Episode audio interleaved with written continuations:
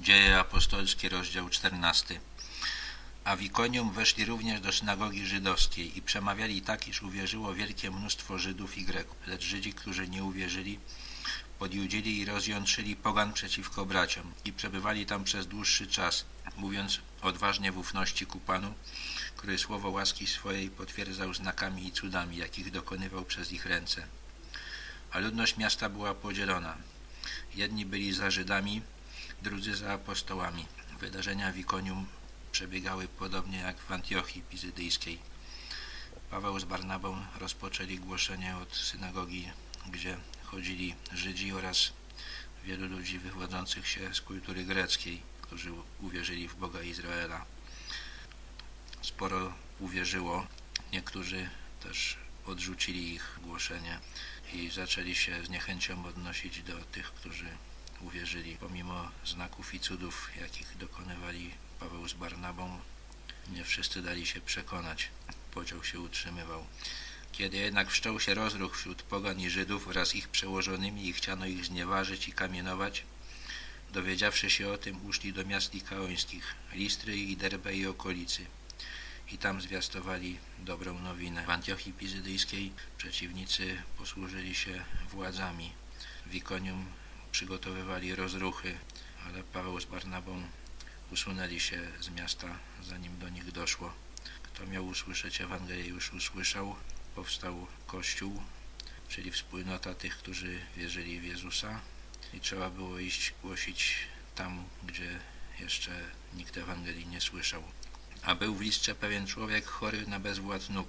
Był on chromy od urodzenia i nigdy jeszcze nie chodził. Słuchał on przemawiającego Pawła, który utkwiwszy w nim wzrok i spostrzegłszy, że ma dość wiary, aby być uzdrowionym, odezwał się donośnym głosem Stań prosto na nogach swoich i zerwał się i chodził.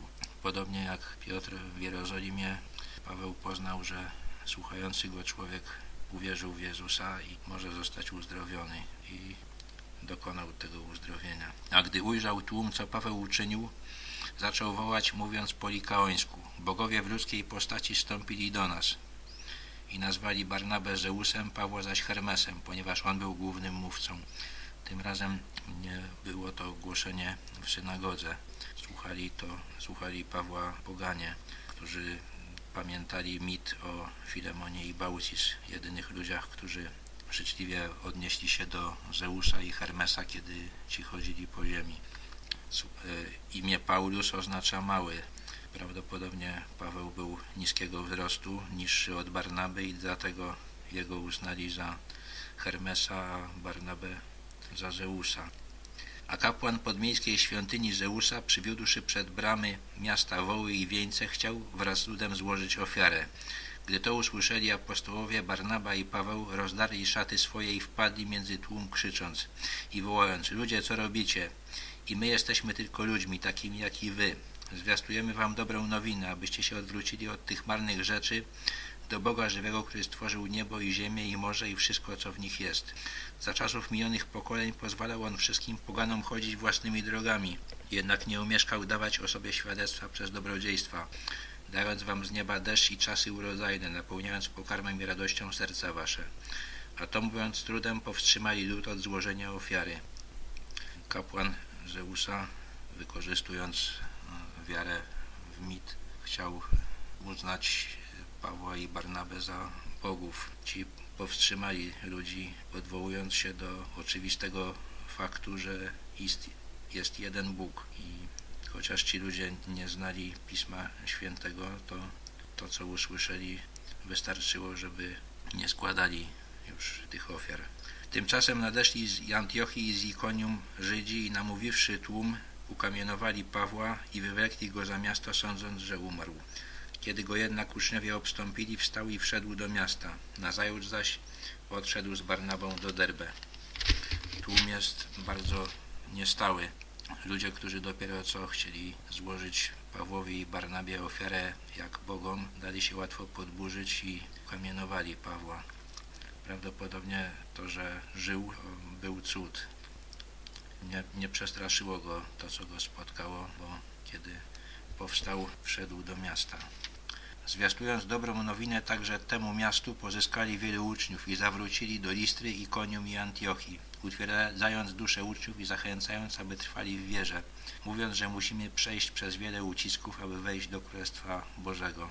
Paweł z Barnabą nie tylko głosili Ewangelię, nie tylko doprowadzali do powstania kościołów, ale potem utwierdzali wierzących. Wrócili do Listry, Ikonium i Antiochii i starali się zachęcać uczniów do tego, żeby trwali, żeby znosili wszystkie przeciwności, jakie ich spotykają od niewierzących ludzi. A gdy przez składanie rąk wyznaczyli im w każdym zborze starszych wśród modlitw i postów, poruczyli ich Panu, w którego uwierzyli.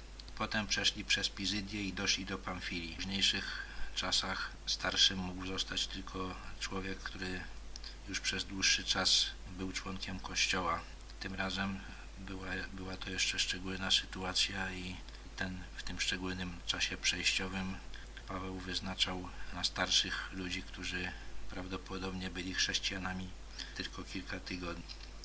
A gdy opowiedzieli słowo w Pergę, stąpili do Atalii, stamtąd zaś odpłynęli do Antiochii, gdzie zostali poruczeni łasce Bożej ku temu dziełu, które wykonali. Po dokonaniu tego wszystkiego wrócili do Antiochii, czyli do tego miejsca, z którego wyszli do zboru, który ich wysłał. A gdy tam przybyli i zgromadzili zbór, opowiedzieli, jak wielkich rzeczy dokonał Bóg z nimi, jak poganom drzwi wiary otworzył. I pozostali niemały czas z uczniami. Tam opowiedzieli Kościołowi, czego dokonali i na jakiś czas pozostali z Boża.